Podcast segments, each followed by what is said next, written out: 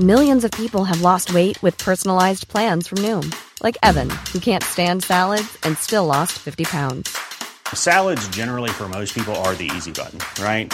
For me, that wasn't an option. I never really was a salad guy. That's just not who I am. But Noom worked for me. Get your personalized plan today at Noom.com. Real Noom user compensated to provide their story. In four weeks, the typical Noom user can expect to lose one to two pounds per week. Individual results may vary. Hiring for your small business? If you're not looking for professionals on LinkedIn, you're looking in the wrong place. That's like looking for your car keys in a fish tank.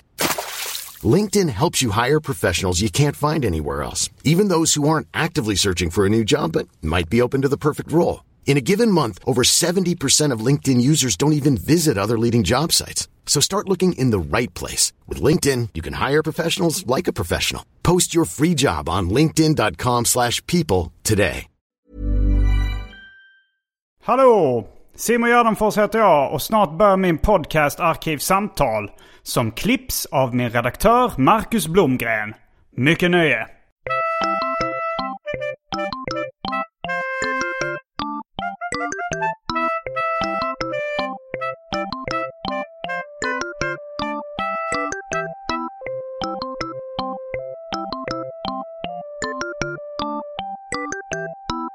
Hej och välkomna till Arkivsamtal. Jag heter Simon Gärdenfors och mitt emot mig sitter Pike. Ja, hej. Jonas Pike. Hej.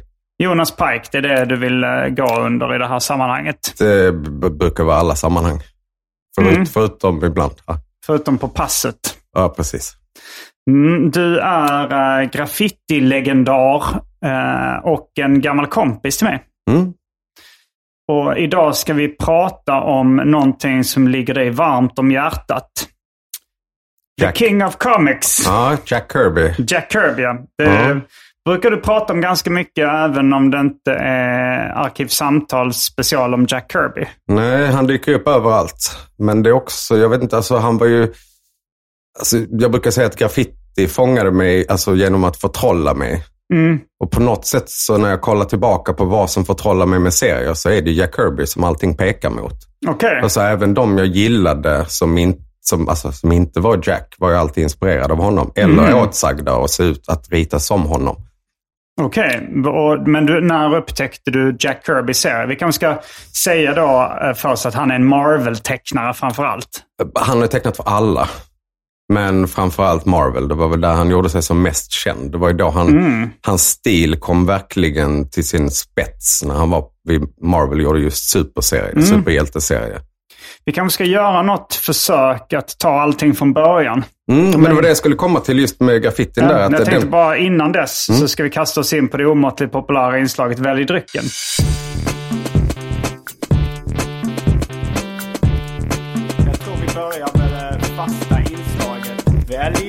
Drycken. Här kommer alternativen. Mm. Fanta Zero. Eh, Imperial Stout. Det är en um, 10% öl från Ängöl. Sen finns det Ramlösa Fokus med gröna kaffebönor och ginseng.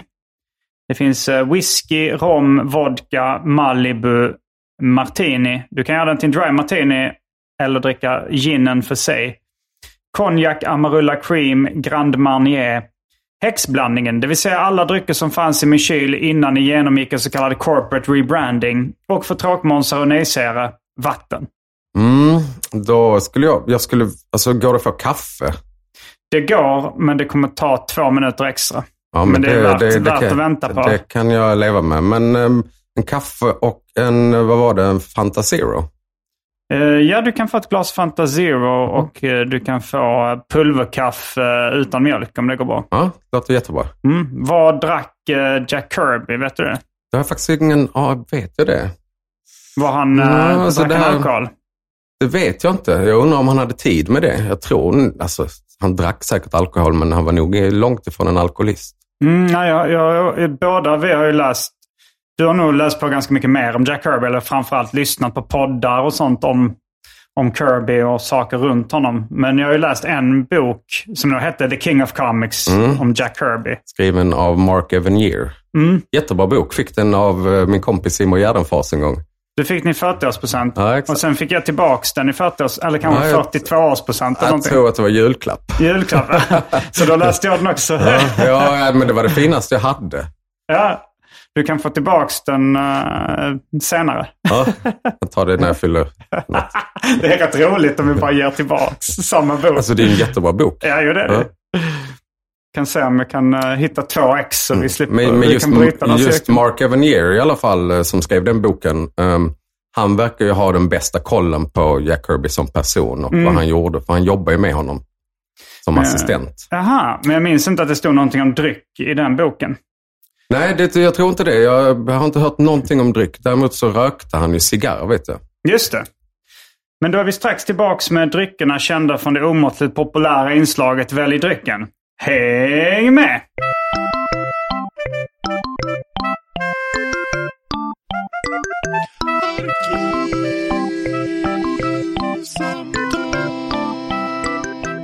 Då är vi tillbaks med ehm, dryckerna kända från det omåttligt populära inslaget Välj drycken. Du har en kaffe och ett glas Fanta Zero och jag glömde att säga vad jag skulle ta men eh, jag valde Fanta Zero. Ingen jättestor överraskning för uh, lyssnare av Arkivsamtal. Mm, vi var inne på Mark Evanier. Var det så han uttalar sitt namn? Eller så? Jag vet inte, men Mark Evanier stavas det i Okej. alla fall. Det är, I alla fall, om man är intresserad av Jack Kirby så är det ju honom man ska lyssna på. För han har liksom verkligen stenkoll. Och Lever han? Han lever. Han är också medskapare till um, Gru, samurajen, Ah. tillsammans, som han gör tillsammans med Sergo Argones, tror jag han heter. Ja, jag, Sergio Aragones sa jag som liten. Nu gissar jag på att han uttalade Sergio Aragones. Säkert. Han jobbade även ganska länge med... Han jobbade väldigt mycket med katten Gustav också.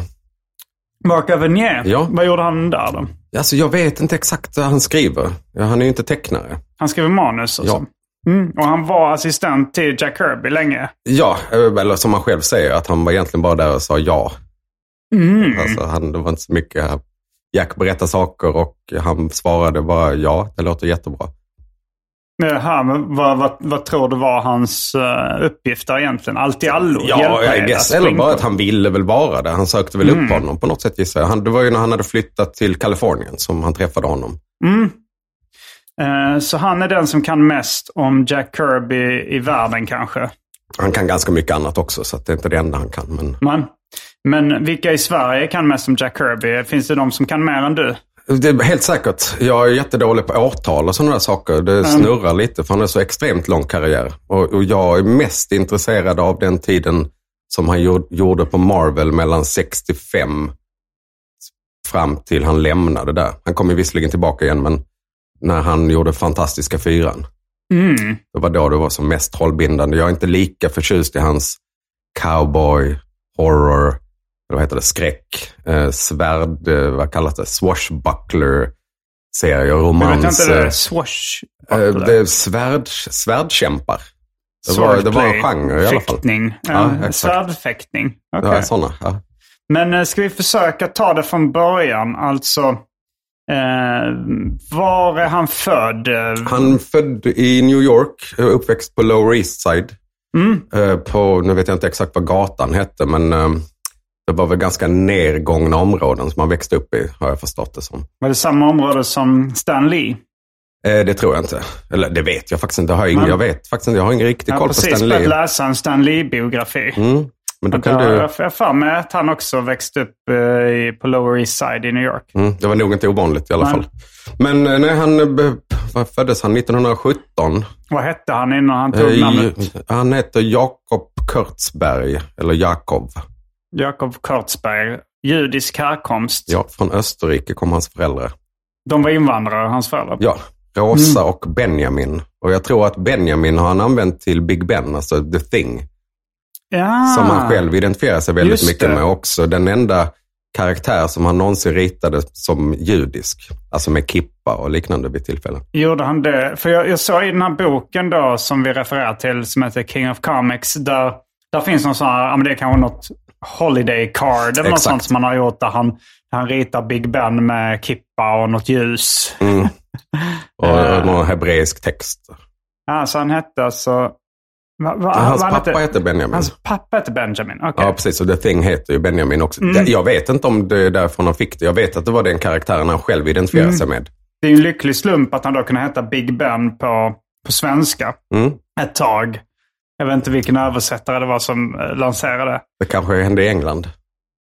I- Du tänker att de, var- Nej, där körde de nog den bara amerikanska... Ja, det För tror jag också. superhjälten hette The Thing på engelska, men alltså Big Ben på svenska under en period. Men i alla fall, jag tycker själv än idag att det är en av de snyggaste superhjältefigurerna. Big Ben. Ja, faktiskt. Ja, han har ju ett speciellt utseende. En orange stenbumling liknande karaktär. Mm, ja, det, det- finns ju olika, olika inkarnationer. Ja, alltså, den är det första var Kirbys man så- lite kantiga då? Alltså, Kirby var ju den som tog fram den jag skulle säga inte är den slutgiltiga, men den man alltid tänker på. Men det var inte så han började. Han, den var mer liksom smält i looken i början. Mm. Tills han hittade den rätta formen på den. Med det här ögonbrynen och sånt. Mm. Och jag är ganska säker på att det är den de kommer leta upp nu i MCU, nu när de har tillbaka Fantastiska Fyran. I, MCU. alltså Marvel Cinematic Universe. Okej, alltså de, de ska göra en ny film med Fantastiska Fyran. Ja. De Och har då- väl köpt upp Fox, eller var det? Jo, jag tror Fox var det som hade licensen. Är det Kirby var co-creator av Fantastiska Fyran eller? Ja, Var det han och Stan Lee som skapade dem? ja. Men, ehm, ja, men så han föddes, uh, vilk, vilk, är han 40-talist eller vilket? Alltså 1917, jag vet inte vad är man då? Nej, då är man ju 10-talist. Ja, Nej, jag, trodde han var, jag trodde inte han var så gammal. jo då, men han dog 94 så han blev Okej, väl eh, ja. 76 då. Mm. Eller? Ja, jag räknar. Eh, ja, nej, men han är väl um, ungefär jämngammal med Stan Lee ungefär. Det tror Alltså, jag, men ja, han dog ju också nyligen. Ja. Även om 94 inte var så nyligen. Nej, det var ju inte Ja. det. Jag missar ju det. Alltså. Du missade Kirbys död. Ja. Du kan inte vara inne, jätteinne på Kirby under den perioden. Nej, då var jag helt uppslukad av graffiti. Mm. Eh, fortfarande. Ja. Fast det känns som att du... Eller det kanske för, för att jag är mer intresserad av tecknade serier än av graffiti. Så det är kanske därför vi pratar mer om Jack Kirby och Marvel och, och sånt där än om, än om graffiti. Men jag har fått intrycket av att du är mer fixerad av Marvel och Jack Kirby just nu än vad du är av graffiti. Ja, absolut. Mm. Alltså graffiti är också, alltså det är både, alltså det är ju en, det är en större kärlek för där deltog jag ju med själv. Vad det gäller serier så har jag ju inte gjort så jättemycket. Eller jag har gjort jättemycket serier. Du publicerar i svenska serier. det är jag. Och eh, en sida i Hjälp tror jag, Galago också. Men inte med serier. Bara Nej. med bilder. Så din enda publicerade serie är i svenska serier? Eh, Som är utgiven. Mm. Ja, du har gjort väldigt mycket egna... Egna fanzines och sånt. Ja, du kan, ja, just det. Som är utgiven ovan jord kanske man ska säga. För du har varit med i Ögrar Comics och liknande. Just det. Alltså eh, lite mer underground fanzine. Eh, men okej, till- vi försöker hoppa tillbaks. Han föddes i New York på 10-talet. Mm. Och vad hände sen? Ja, han... Vad jag har förstått så var han ett sånt barn som ritade hela tiden. Mm. Och att de hade ju kommit på honom vid något tillfälle där han varit ute och målat i trapphuset och hållit på att rita. Som barn? Jag som barn. Men de hade nog också överraskats över hur, hur duktig han var. Så att, eh, jag, jag har inte hört om det var några problem så med föräldrarna eller sånt. Nej. Men han kom in på, han gick på något så här Pratt Institute of Illustration som han kom in på redan när han var 14 år. Ja, Det är en ganska känd konstskola. Ja, Alltså, den finns fortfarande och är en av de mest så, väl ansedda tror jag. jag vet inte om han var där länge. Han verkar inte vara så förtjust i det. Men var han begåvad tidigt? För att alltså, de tidigare grejerna jag sett av Jack Kirby, där sticker han inte ut som liksom, en extrem talang. Nej, men det är ju lite det jag tänker på också. Det är någon, om man tittar på hela hans karriär så är jag nästan mest intresserad av när han hittade verkligen sin stil och hittade hem. Och det var det- på 60-talet eller? Det skulle jag nog påstå, ja. Just superhjälteserier där när han jobbade med Stan Lee, det var då Mm. det formades. Vilka, vilka figurer var det han liksom eh, började med då? Liksom han Nej, men alltså just då var det ju, alltså just när stilen eh, kom rätt, det var ju en, en bit in på Fantastiska Fyran skulle Mm. jag säga. Men han har ju jättemånga titlar. Alltså han gjorde säkert fyra, fem sidor om dagen i sitt liv. Alltså kanske Mm. varje dag. Det är en löjlig mängd och jag håller med dig om man kollar i början. det, inte, det ser ju inte speciellt bra ut. Nej, det är inte så imponerande. Men han, han känns som en maskin. Han, han tog sig dit genom rent... Jag har sett något uttalande av honom att han trodde verkligen alla människor kan bli precis hur bra som helst. Men då måste de verkligen jobba hela tiden. Det är liksom, lägg inte ner, utan bara fortsätt köra på. Vet man hur många timmar om dagen han vanligtvis jobbade?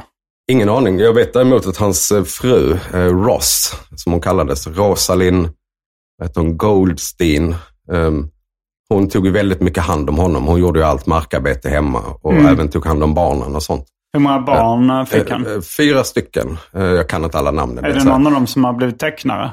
Det tror jag inte. Alltså, det har jag verkligen ingen aning om. Men jag vet att en av sonen i alla fall, jag tror han har tre döttrar och en son. Och sonen tror jag är med och tar hand om det här Kirby Museum som finns i New York. Har du varit där? Nej, Hade jag tror det startade, det startade efter, jag har inte varit i USA sedan dess. När startade Kirby Museum? Ingen aning.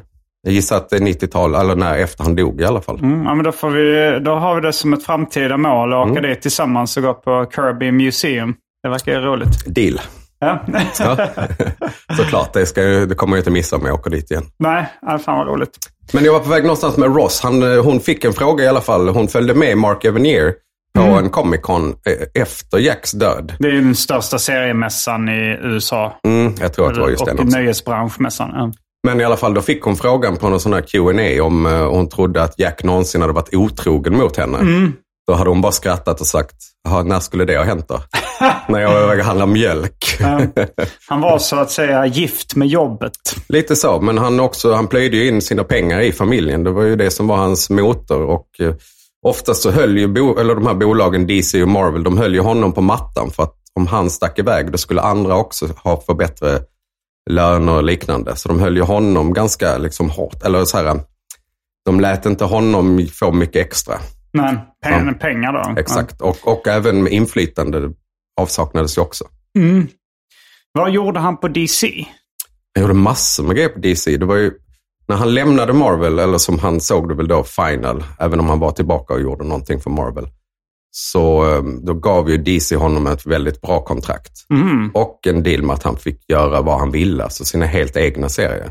Där han både, Mm. alltså han gjorde ju även det med Stan Lee. Alltså att han gjorde, han gjorde mer eller mindre storiesarna och ritade ut dem innan Stan Lee ritade i pratbubblorna. Men, Ja. men, men Stan Lee, jag, ska, jag vill inte sno någonting från Stan Lee. Stan Lee förtjänar absolut respekt för det han gjorde. För att Marvel hade inte varit det de är utan Stan Lee. För han förde ju in liksom någonstans romance comics i superhjälteserierna och gjorde dem, alltså superhjältarna med, med, med vad ska man säga, vad kallas det? Eh, med felaktigheter. Alltså att de var, de var inte De helt blev goda. mänskliga. Ja, de var inte helt goda, utan de reagerade mer som så här, okej, kan jag tjäna pengar på det här? Hur skulle någon tänka om de kunde klättra på en vägg? Och liknande. Och det var väl där Stan Lee var liksom riktigt, alltså, det var ju där hans geni låg. han Förutom tog att han var fantast, liksom. fantastisk på att marknadsföra sig själv också. Alltså det är ju Banksy-nivå på det. Den första Banksy. Ja, men som jag har fattat det, liksom samarbetet mellan Stan Lee och Kirby, att de, ja, de diskuterar väl kanske lite, det var kanske Stan Lee från början som hade idén vad serien skulle handla om. Ja, om han skulle säga så här, ja men nu ska Fantastiska Fyran, eh, det handlar om att eh, det är några interna stridigheter och sen kommer den och den skurken in och eh, sen så, så, så, sam, så nu, nu bara, nu, det här är inget exempel från verkligheten, jag bara tänker, och sen så får den skurken dem att samarbeta och så blir de vänner igen. Alltså, och sen då så tecknade, eller skissade då i blyerts då Kirby upp storyn. Och eh, Stan Lee skrev in liksom replikerna i pratbubblorna. Precis, men problemet som uppstod där var ju inte... Alltså att Stan Lee var ju absolut med i processen och, och allt det där. Problemet var att, att det där med att skriva i pratbubblorna efter storyn är klar. Det är ju inte fullt ut att vara den som är writer, så att säga. Men han drog upp riktlinjerna och sen eh, liksom Men han hade heller inget val. Han, hade, han var ju, alltså när, eh, vad var det, när Jack Kirby och Joe Simon, alltså de som jobbade, som hittade på eh, Captain America. Mm, det här, det, vi har inte nämnt Nej. Joe Simon innan, men det var en tidig samarbetspartner för Jack Kirby. Var han mest manusförfattare, Joe Simon? Eller var han, Han var, väl, han var ju också tecknare, men, men han var nog mer man, alltså den som kunde prata med folk. Jack Mm. Kirby var ju känd för att prata i gåtor nästan. Han var Och- introvert.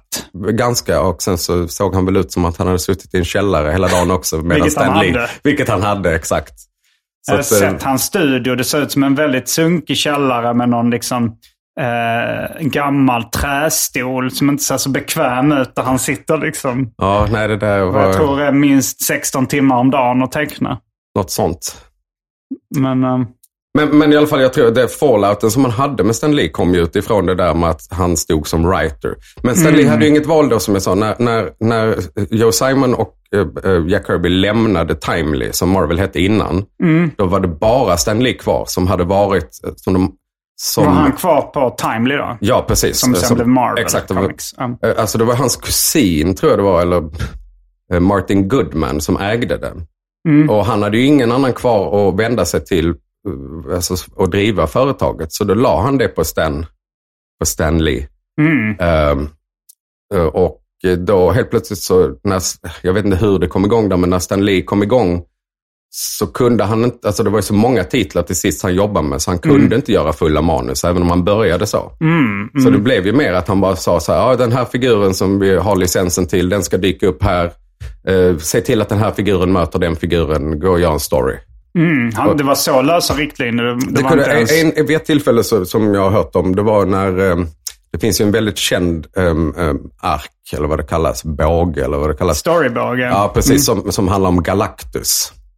Eh, om som en var någon slags... eh, planetätare som åkte ja, runt och alltså i så rymden. eh, omnipotent. Precis, men då hade ju i alla fall när Jack Kirby gjorde den, då hade han bara sagt till Jack Kirby, jag vill att i nästa nummer så vill jag att eh, Fantastiska Fyran ska möta typ Gud.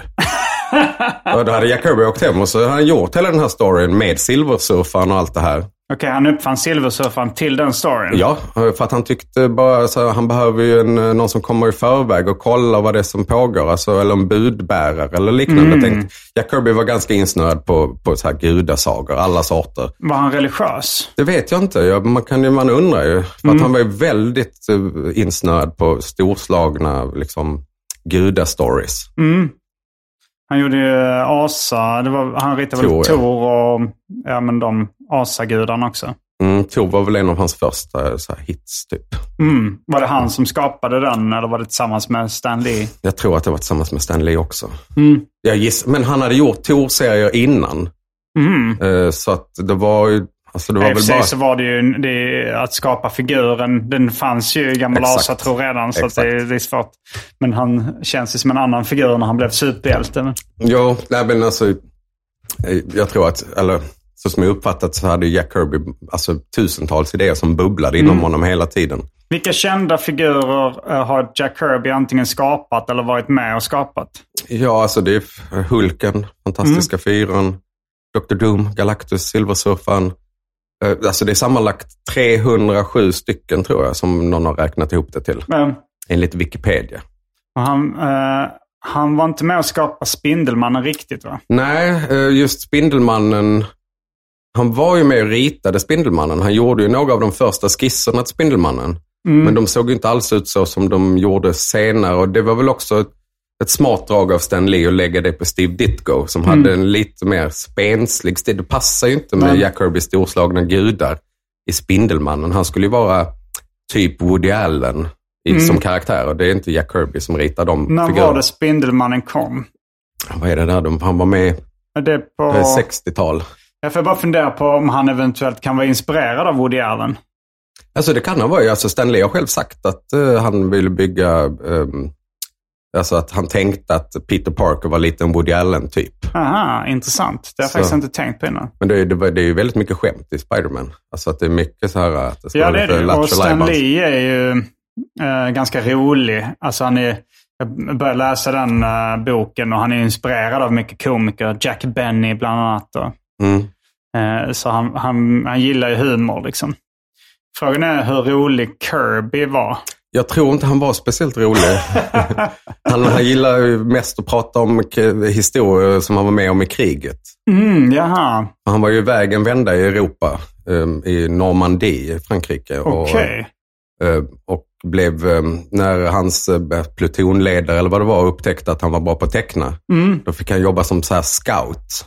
Alltså bakom fiendelinjer, att rita miljöer, hur gator såg ut, hur saker och ting såg ut. Alltså ett ganska riskfyllt uppdrag.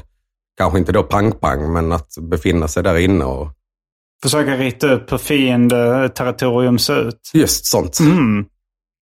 Ja, det brukar alltid vara de tråkigaste delarna av biografierna tycker jag när de är i det militära. Mm. Jo, men han älskar ju att berätta så här krigsstories. Det var flera Ja. som ville få honom mot slutet av hans liv att faktiskt fokusera och rita bara det, för det var ju det enda han snackade om. Gjorde han några krigsserier? Ja, jo, det gjorde han. Ja, det var väl rätt tidigt i karriären eh, nu när jag drar mig till minnes. Gjorde han inte rätt mycket krigsstories med Joe Simon? Jo, det var en grej det också. Men de gjorde också den här alltså redan alltså innan kriget vanns mot Hitler. Då hade, alltså på omslaget till Captain America så knockar ju Captain America Hitler. Mm. Och det, det var ju modigt kan man ju lugnt säga. För att det var Jag har ju... sett rätt många utsidor tror jag där eh, Hitler får på käften i Jo, men den kommer ju där. Den kommer ju från Men det där. var först, Det eh, var då. Ja. Ja, De var först med Captain America som slog Hitler på käften. Precis, och det hade han ju gjort innan han drog till Europa och, och var med. Mm, ja. Han, hade- jag hörde också att han, när han drog, då hade han ritat ett helt år av serier som kunde ges ut medan han var borta. Oj, Så jävlar. att han var redan förberedd på allt det här. Oj.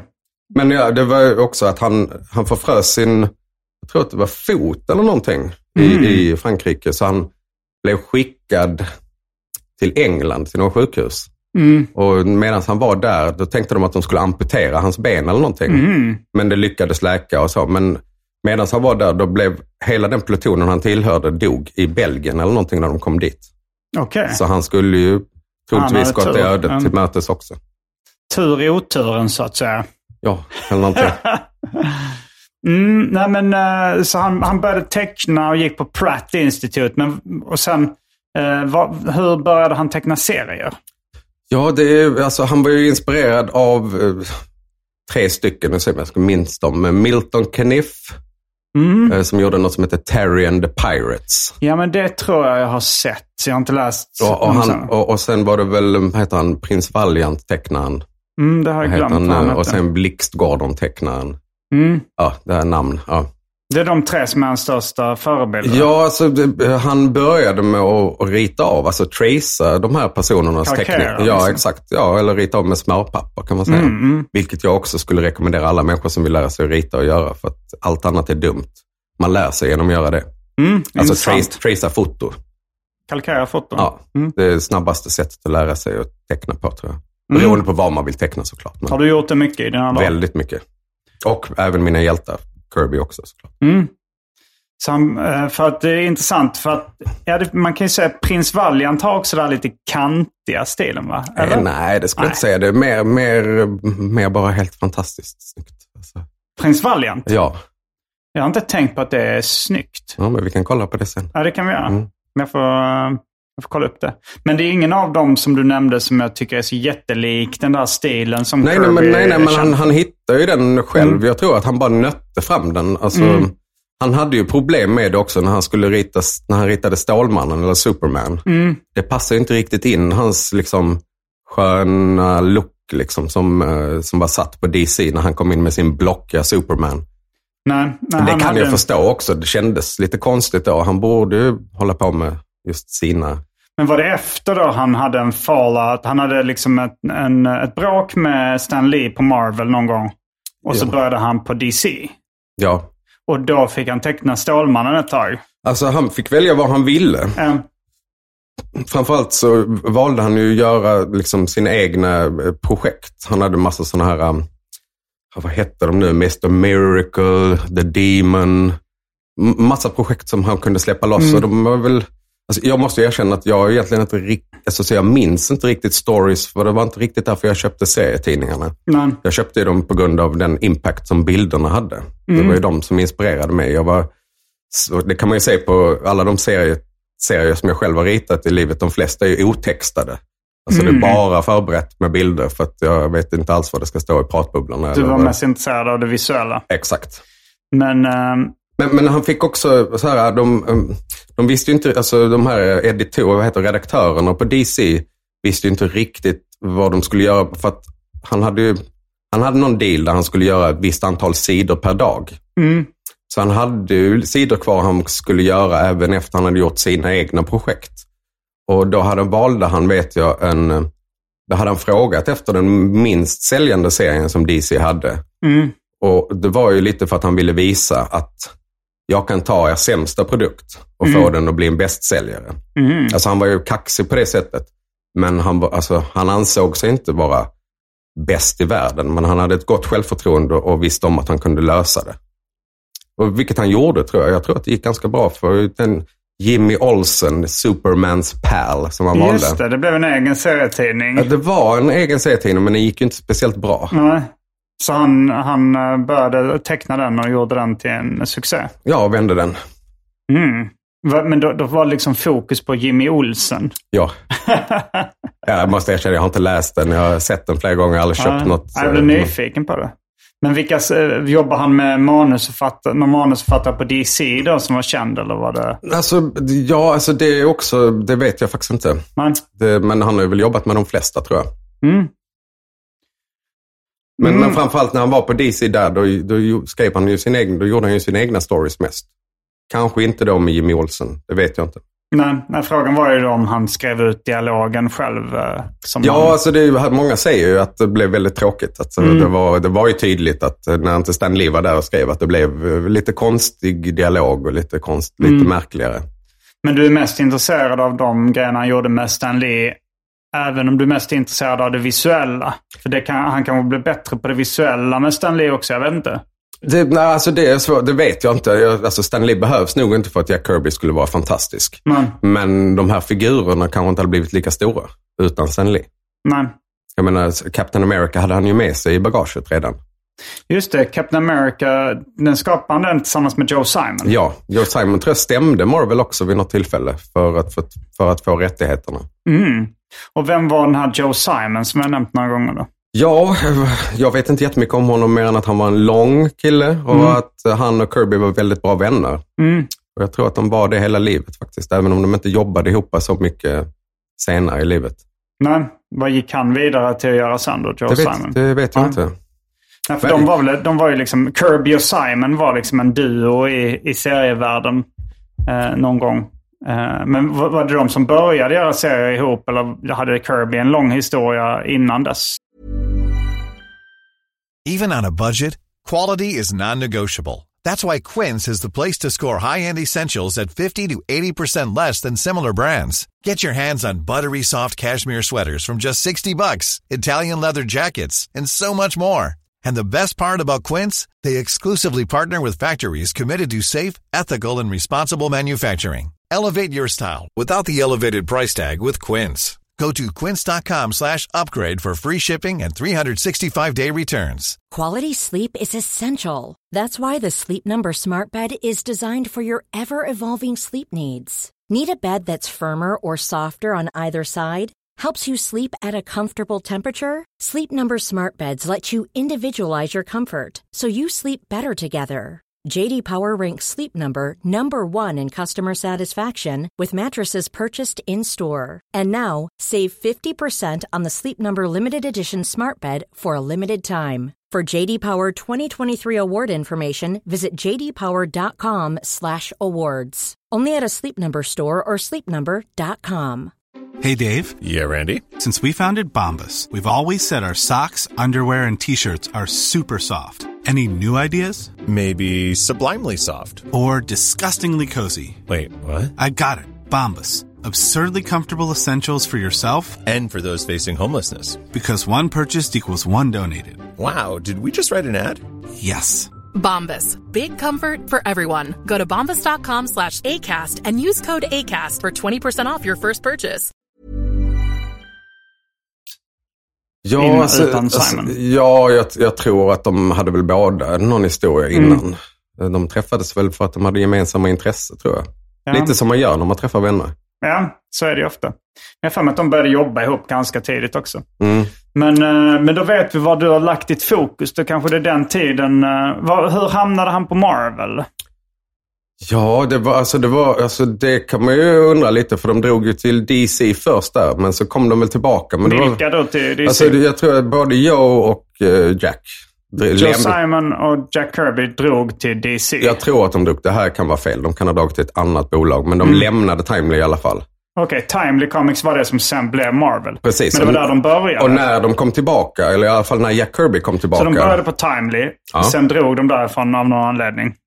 Ja, eller så hade de en egen studio innan. Det här är också en sån grej Mm. som jag inte vet. De kan ha haft en egen studio, sen jobbade de på Timely. Sen lämnade de Timely och när de kom tillbaka så var det Marvel och helt plötsligt så var deras kaffekokare, springpojke, eh, chefredaktör. Och det var Stan Lee. Det var Stan Lee. Um, Och jag tror väl att det hade nog Jack också lite svårt för, att han helt plötsligt stod där och sken. mm. Han gjorde ju någon serie direkt. Han kom över till DC när han kände att han hade, som han själv sa, sa det, att han hade lämnat för gott.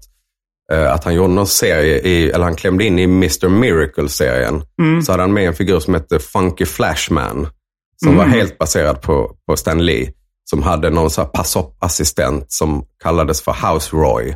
Som var då eh, Roy Thomas. Som var eh, Stan Lees efterföljare som chefredaktör på Marvel. Mhm. Så han gav dem en känga. Okej, och han framstod dem eh, inte i bra dagar. Nej, som, som svin. som glättiga svin. Ja, alltså det är Och jag en, säger då som eh, Roy. en fjäskis där. Jo, för det, det är kanske ett kapitel i sig det här med Kirby och pengarna. Alltså att det, det var väl att eh, han, han var med och skapade riktigt stora succéer. Men han fick väl aldrig...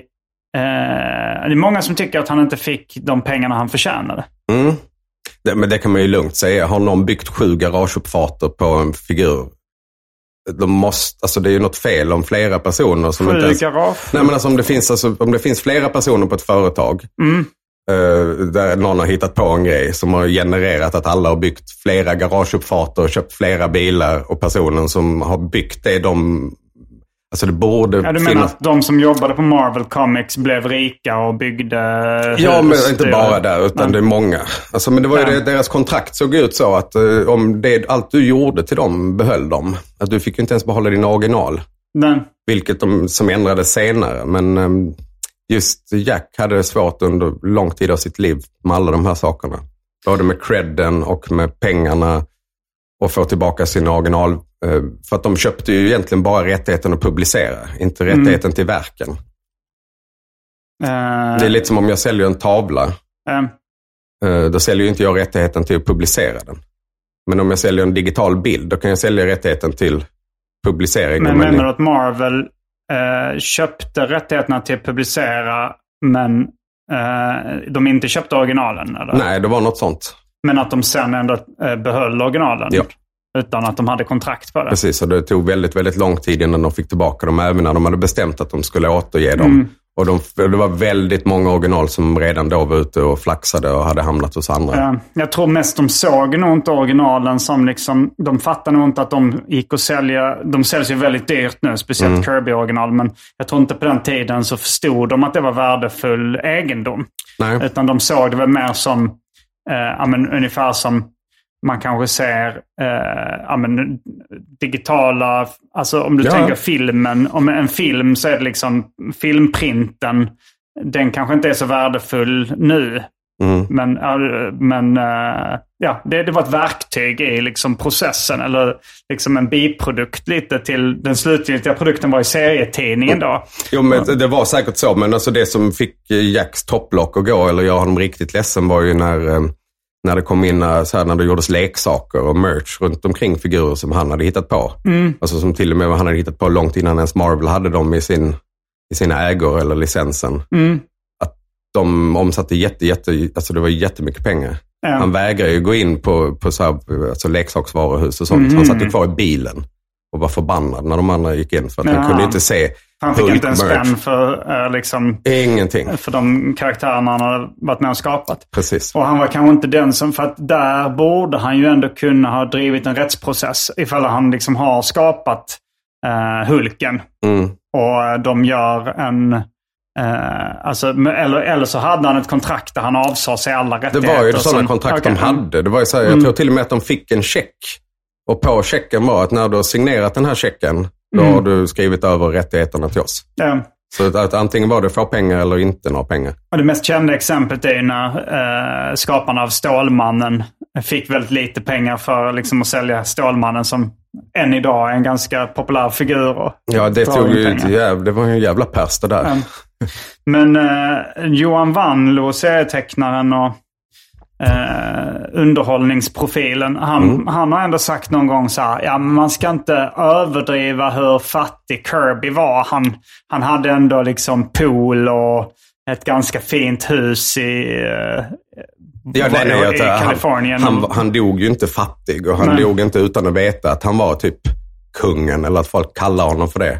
Ehm, Men, men det var ju inte i jämförelse med vad andra hade liksom byggt med hans, eh, på hans skapelse. Alltså i värde. Mm. Nej, nej, nej, nej. Det var ju andra som tjänade mer på det han gjorde. Kommer du ihåg förresten var uh, titeln The King of Comics härstammade från? Nej. Jag kommer ihåg det från boken. Jag tror att det var då Kirby och någon annan tecknare som jobbade på ett serieförlag i början av sin karriär. Eh, innan, jag tror det här var innan Timely eller innan, i alla fall innan Marvel. Mm. Och då så var det liksom en, eh, en ganska arrogant redaktör där. Som, det, det, det var mycket sluskar och, och så här lite eh, kriminellt relaterade människor i förlagsbranschen på den tiden i New York. Det var mycket gangsters och sånt där.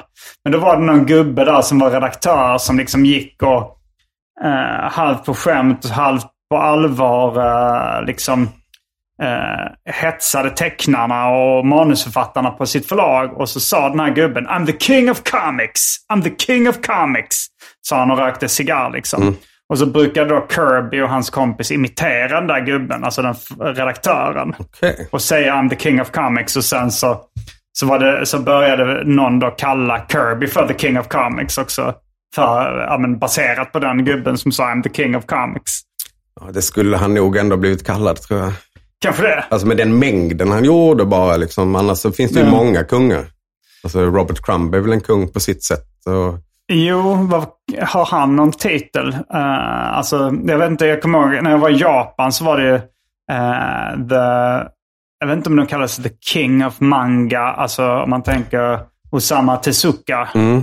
Osamu Tezuka kallas för det. Och sen så var det någon som kallas för The God of Manga. det är väl lite som i Star Wars med kejsaren då, som är ännu mäktigare än Darth Vader. Men eh, alltså han hade ju kunnat få någon annan. Alltså det, i musik är det ju The Boss och Mm, det finns ju The Count. Alltså så de olika storvulna titlar kan man ha. Ja, Men alltså Stan Lee hade ju för vana att hitta på titlar till folk hela tiden. Så runt omkring sig. Stan the Man. Ja, som, exakt. Jag vet inte om han själv som hittade på det. Det men- var nog han själv också. Mm. Nej, det var... Jazzy, John Romita och... Just det. Det, det Jag tror till och med att han kallade Jack Kirby för King of Comics vid något tillfälle. Mm. Alltså, Så, att, Stan Lee, att, att han ja, hade med det tror någon jag gång. säkert. Men Stan Lee, ja, han, han är väl lite, alltså det är väl rätt kontroversiellt då, för han var väl inte riktigt... Eh, I början så gillade han väl mer att ta åt sig äran för, eh, för de seriefigurerna han hade liksom då, som han sa, dream, drömt up. Att han hade drömt ihop Jo, liksom. men I hans värld hade han ju säkert drömt upp Captain America också. Kanske det. Ja, trots, ja. Ja, jo, eh, men han erkände väl motvilligt sen att liksom, eh, de där tecknarna var co-creators. ja, Eh, Men minst sagt. Jag minns en gång, eh, det var faktiskt eh, när jag var på turné med Peter Wahlbeck så var vi i Malmö och det var liksom en eh, utställning där i något galleri med serietidningsomslag som var signerad av Stan Lee. Säkert en Captain America signerad av Stan Lee. Jag har sett en sån. Det gjorde mig ilsk. Har du sett en Captain America? Jag gick fram med min dotter när vi var på Comic Con här i Stockholm och pekade. Det här är fel. Ja, jo, jag, jag gick fram och, och sa det till galleristen då. Eh, eller i alla fall hon som jobbade för tillfället. Var så här, för det var ju en, eh, en Wolverine-omslag. Mm, Som var signerat av Stan Lee. Mm, det är också intressant. Ja, han har, han har inte varit med och skapat Wolverine. Nej, han hade ju lämnat mer eller mindre Marvel. han han var med och skapa X-Men. Det var han absolut, tillsammans Eh, med Jack då Kirby. fanns, en, då fanns inte Wolverine med i X-Men när han skapades. Jag Nej, den, han dök den liksom sent skapad av 70-tal, någon annan. Ja. Men eh, så jag tog upp det så här. Alltså, hon, men hon kunde ändå lite så, så att Nej, men han var med han skapade X-Men och så här, men han har ju inte tecknat omslaget, han har inte hittat på figuren. Varför har han signerat det? Ja, nej, det borde tagit emot. Men han var väl så att han, han såg väl sig väl mer som Marvels ansikte utåt. Alltså Mm. som han själv hade skapat. Men han gjorde ju sig den figuren. Ja. Jag förstår att det, att det hände. Alltså jag ser inte det som konstigt att han skrev på alla affischer som kom i hans väg som var en Marvel-licens. Nej. Mm, ehm, vad, vad ska vi mer säga om eh, Jack Kirby? Är det, är Alltså det finns ju hur mycket som helst. Och Mm. jag är ju lite Vad är du mest jag- intresserad av? Ja, alltså jag, vill, jag är intresserad av hans um, arbets... eh, alltså, jag har ju hört om hur, när han väl bemästrade sin stil, hur han renderade ut bilder. Att han kunde börja uppe i ena hörnet mer eller mindre och sen rita fram bilden som att han printade den. Som en matrisskrivare? Ungefär. För han tuschade ju inte själv. Nej, han tuschade ing, eller, ingenting alltså, av det som... Aldrig någonsin. Alltså han gjorde säkert för sig själv någon gång. Mm. Eh, mot slutet i alla fall. När han hade flyttat till Kalifornien. Mm. Men, men det är också alla de här små historierna om han, hur han hamnade fel tycker jag är roligt. Alltså, Mm. Har du någon sån? Ja, alltså det var ju, alltså när han, när han flyttade till Kalifornien så hade han ju, jag vet inte om det var, det var inte ett svepskäl, men hans eh, ena dotter hade fått astma och behövde luftombyte eller någonting. Mm. Så han passade på då att se till att på något sätt komma bort från New York Mm, och flytta mm. till eh, Kalifornien. Eh, han flyttade inte direkt till stället, men han hamnade någonstans, Thousand Oaks heter det. Mm. Jag har inte varit där, du vet säkert bättre om hur det ser Jag ut tycker där. det låter bekant. Ja, men i alla fall, när han flyttade dit då var det just Martin Goodman, ägaren av Timely Mm. eh, och Marvel då. Så han jobbade kvar på Marvel? Nej, alltså, det, det, alltså, jag vet inte, han kanske gjorde det just då. Mm. Men i alla fall, han lånade ju ut pengar till honom för husköpet. Mm. Så han var ju någonstans lite köpt. Så han var ju tvungen att sitta och fortsätta rita liksom, stories för Marvel som han inte ville. Mm. Och, och det var också så här, vid något tillfälle så hade han gjort, fortsatt en story om The Watcher, alltså en figur som han upp, också hittade på i den här Galactus-bågen. Vem var The Watcher? Det var någon som åkte runt och, i- jag vet inte vad, åkte runt i världen, och i rymden och kollade så att saker stod rätt till men skulle inte interfere, så att säga, eller någonting. Okej. Någon, ja. någon, här- någon med ett stort huvud bara. Mm. men, men att han hade då gjort en origin story. Med den Watcher, figuren. ja. Ja. precis. Och skickat in den och sen så bara, nej men så här kan vi inte ha det. Då hade Stan Lee gett någon annan i uppdrag att göra en story om The Watchers folket. Men Mm. enligt Kirby skulle det bara vara en. Så han Mm. var tvungen att rita en story som, han, alltså, som var helt fel enligt honom. Sådana detaljer. Mm. När började Kirby på, alltså, när var det han började på Marvel? Alltså Ja, ungefär. alltså, det- var, det, var det liksom, för när, när, de, när Marvel Alltså, slog alltså, igenom. man kan ju säga så här, alltså, de stora figurerna där var, alltså, vad var det, det är Thor och... och var den första stora Spider-Man från, från Marvel? Liksom var det det som de breakade med? Jag Så de gissar på hade- det. de Alltså, hade jag, ju jag flera tänker på den här filmen, eller den här, jo, den här filmen eh, Comic Book Confidential. Mm. Där berättade Stan Lee om liksom så här, ja men eh, det här bolaget gick dåligt, det var nära och och gå omkull. Men så, så, så, så sa de, ja men nu när... Ja, nu fick då Stan Lee chansen att göra en serie som han ville. Ja, det, var han, det var hans fru som har sagt det här då. Att, Mm. eh, När han var sur på att han tänkte ändå lämna Mm. eh, själv för att han ville skriva riktiga böcker. Eh, I alla fall det, det han sa. Han skulle göra något så här, The Great American Novel. Ja, Och och sen var- finns det de som påstår då att Fantastic Four nummer bla bla bla till nummer bla bla bla är The Great American Novel. Ja, men det är så här Galactus-grejen. Det är det. Det finns någon, jag tror det finns någon avhandling eller någon, någon uppsats och Mm. som, som, och som liksom argumenterar för varför eh, Fantastiska Fyra nummer eh, X till Y är The Great American Novel. Det kan det vara. Mm.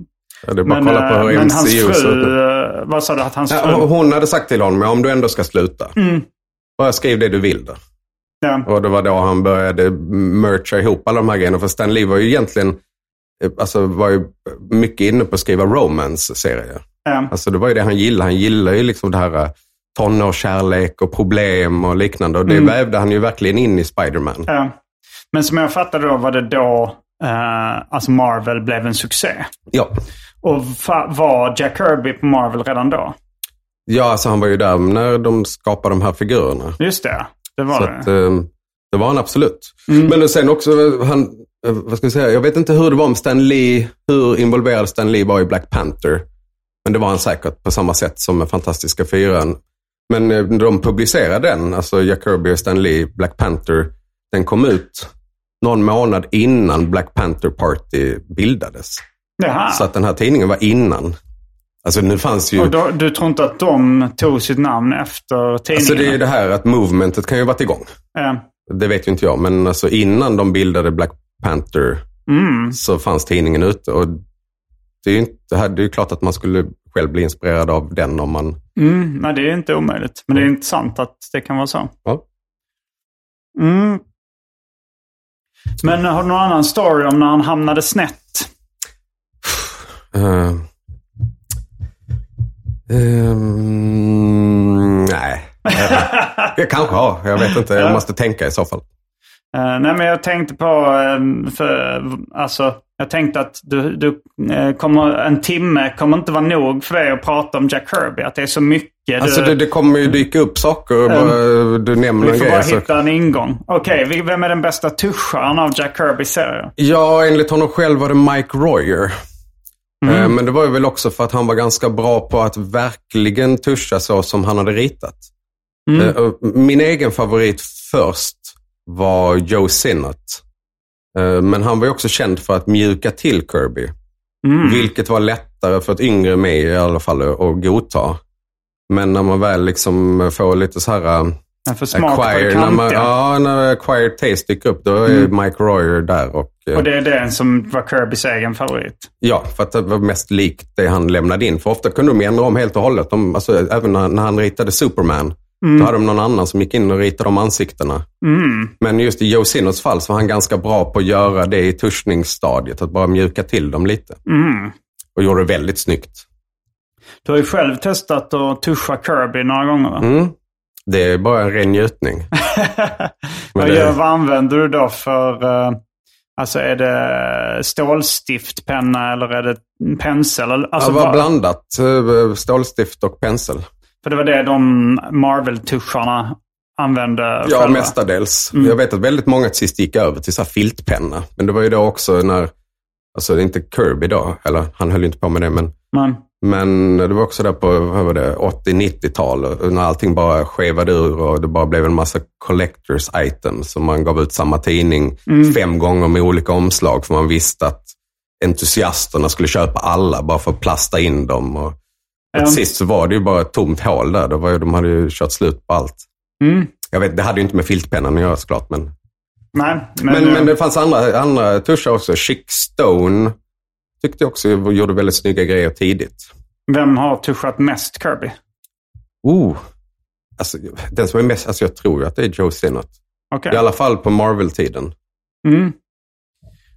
Men eh, vi, i början... Och vad jag vet så träffades de typ bara så en gång kanske.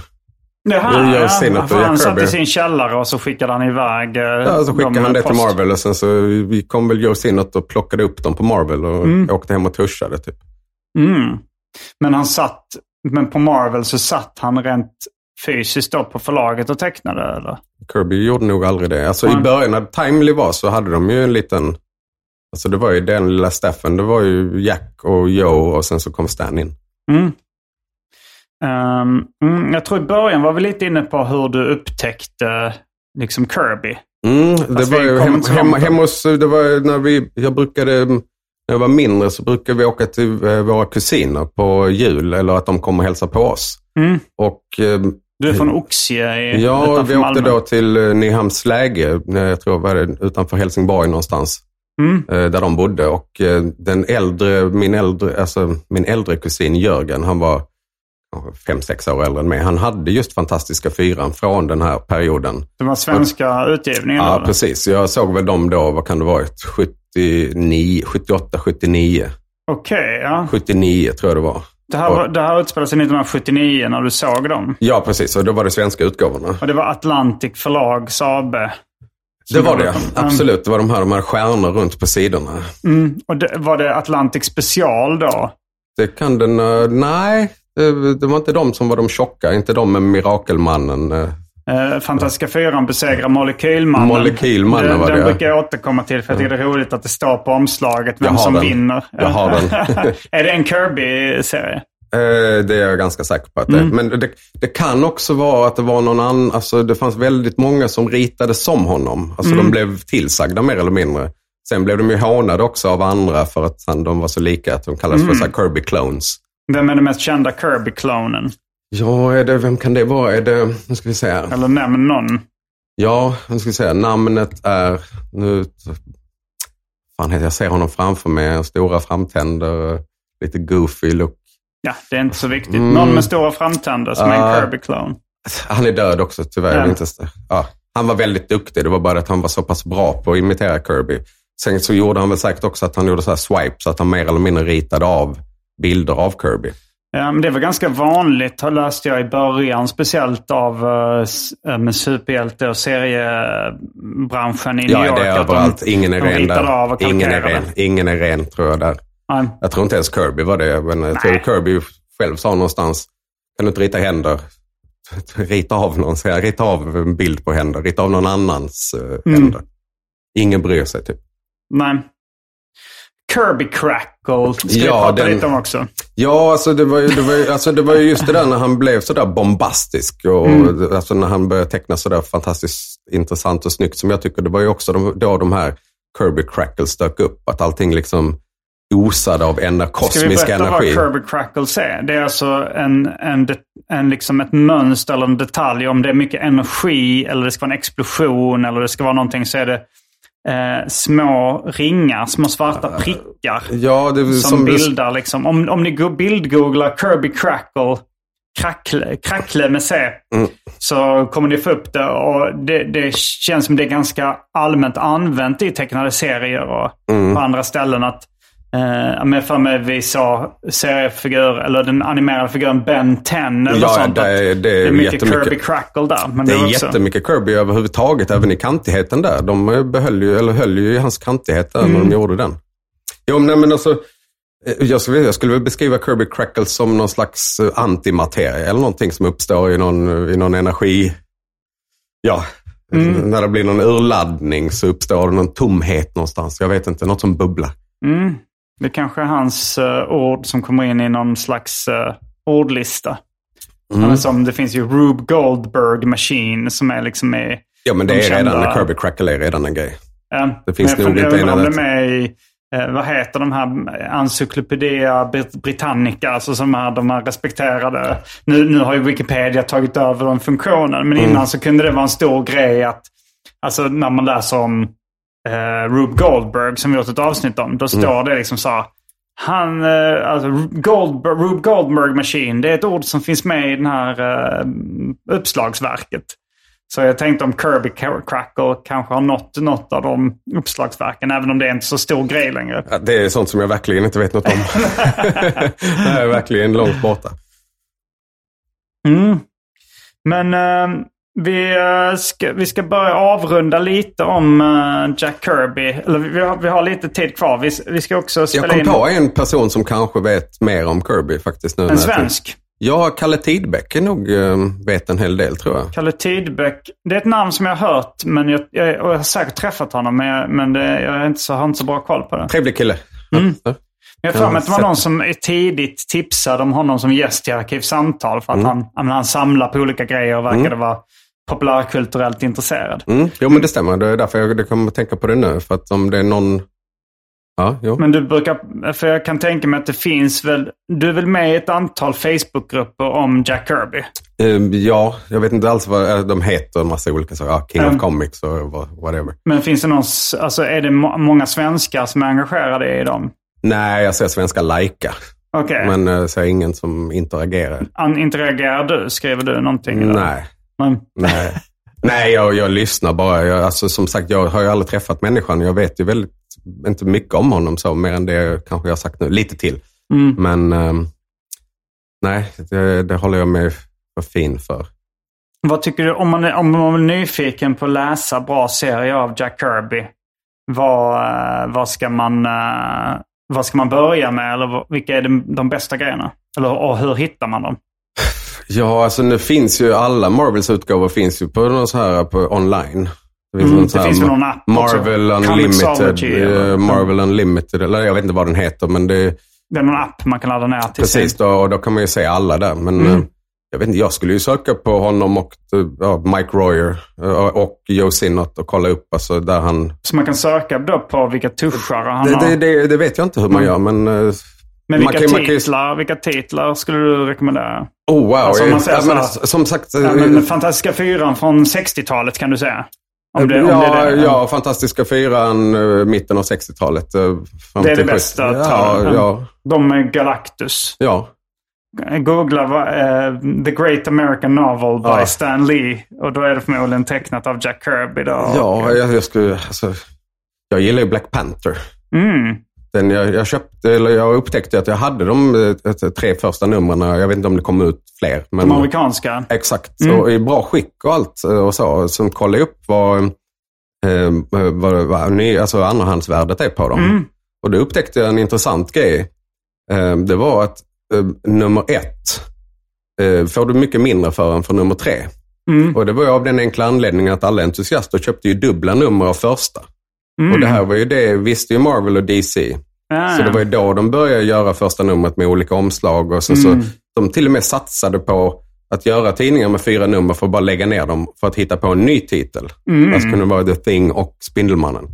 Och så fick de fyra. Sen så vet de om att fjärde numret säljer en fjärdedel av första. Då lägger vi ner den och sen så tar vi The Thing och någon annan. Plus att de trycker säkert en mindre upplaga av fjärde numret. Att det Dessutom- första upplaget har en högre upplaga och därför blir mindre värt. Dessutom, så att om man, eh, alltså, om man eh, är intresserad av att tjäna pengar på de här, då ska man ju leta upp de numren som kom ut senare. Mm. Vad var det- de värda då? De, eller vad, Nej, vad alltså, näst, näst, nästan ingenting. Alltså, Okej. Folk hade redan börjat samla då. Det är ingenting. Det är Det var bättre typ att behålla. 100 spänn per styck. eller Något sånt. Mm.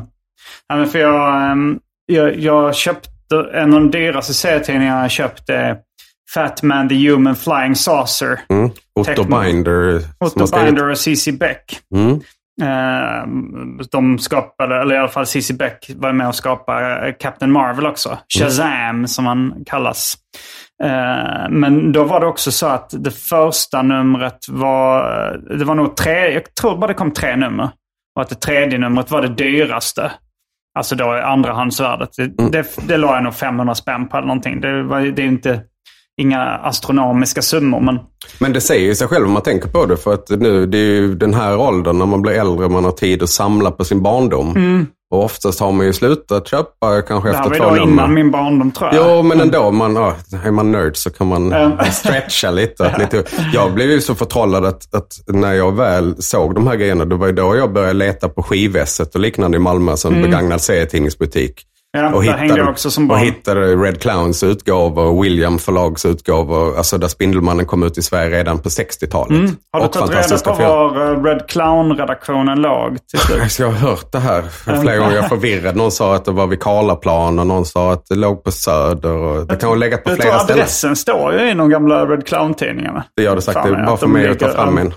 Jag är väl inte så intresserad då kanske? Eller? Nej, ändå, du, har, du har ändå tagit upp det någon gång när vi har träffats på någon, på någon bar. Så har du sagt så här, jag tror jag vet nu var Red Clown-flagget ligger. Jag hörde det. Mm. ja, ja, men det är lätt. Ja, Mm. så att jag glömmer också. Mm. Ja. Men eh, ja, så det var något jag tänkte på. Jo, jo, men det här med Fat Man the Human Flying Saucer. Det var det också så att på den tiden så kom försäljningssiffrorna in ganska sent. Alltså de tidningar, tidningsstånden och sånt där de såldes, de, de skickade in, det tog väldigt lång tid innan liksom förlagen fick rapporter på dem, hur, de, hur mycket numren hade sålt. Så att de började då liksom göra Fat Man the Human Flying Saucer nummer ett. De kanske hade lite på känn att den inte sålde jättebra. Men de gjorde ändå nummer två och nummer tre. Och jag tror att när nummer tre kom ut så var den klar. Men de hade fått liksom siffror då på att det här säljer katastrofalt dåligt. Mm. Så då så gjorde de en väldigt liten upplaga. Eh, och det är nog därför den är så dyr också. Ja, nej, men det är som sagt, det säger sig själv. Hela Mm. den, eh, man förstår hur det funkade. Eh, Det var, de försökte ju då göra en superhjälte med tre identiteter. Så han var den, den tjocke miljonärsonen som samlade på handdockor och exotiska växter. Och sen blev han även superhjälten Fat Man. Eh, som han, eh, när han drack en chokladdryck som han fick av en utomjording. Och han kunde förvandla sig till en tredje identitet som var The Human Flying Saucer. Ett uh, mänskligt uh, flygande tefat. Mm, hon kunde ja, förflytta Fettman eller någonting. Men hur kunde det där floppa, den idén? Snyggt tecknat var det också. Ja, svårt att veta. Men det finns i den senaste Shazam, eller det finns bara en Shazam-film som har kommit ut hittills. Mm, jag gillar Två, den. Mm, tvåan är på gång. Men då är det ju liksom en lite tjockare kille där som är en i det här liksom familjen Mm. Marvel. Och han har gul och grön dräkt.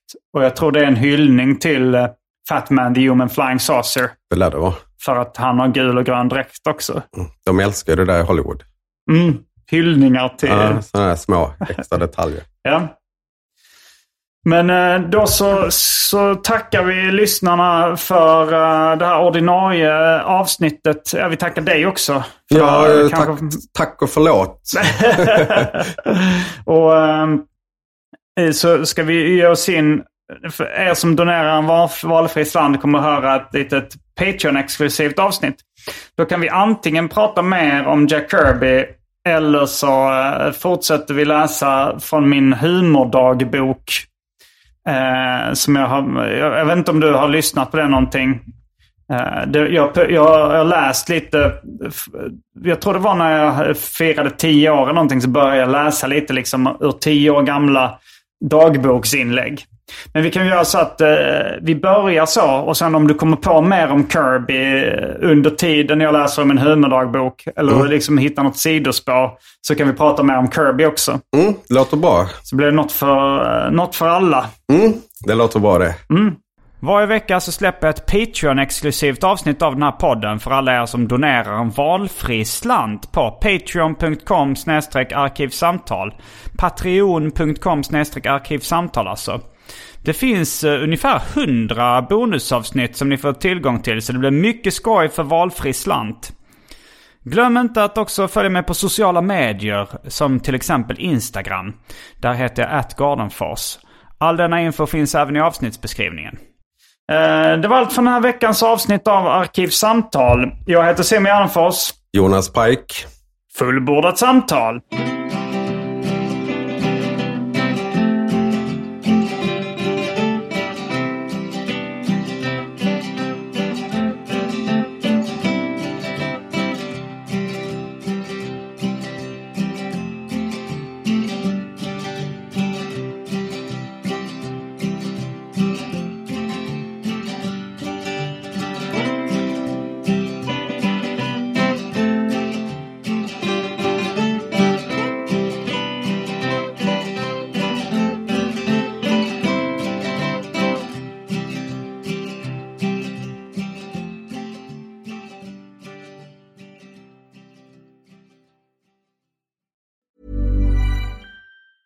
Planning for your next trip?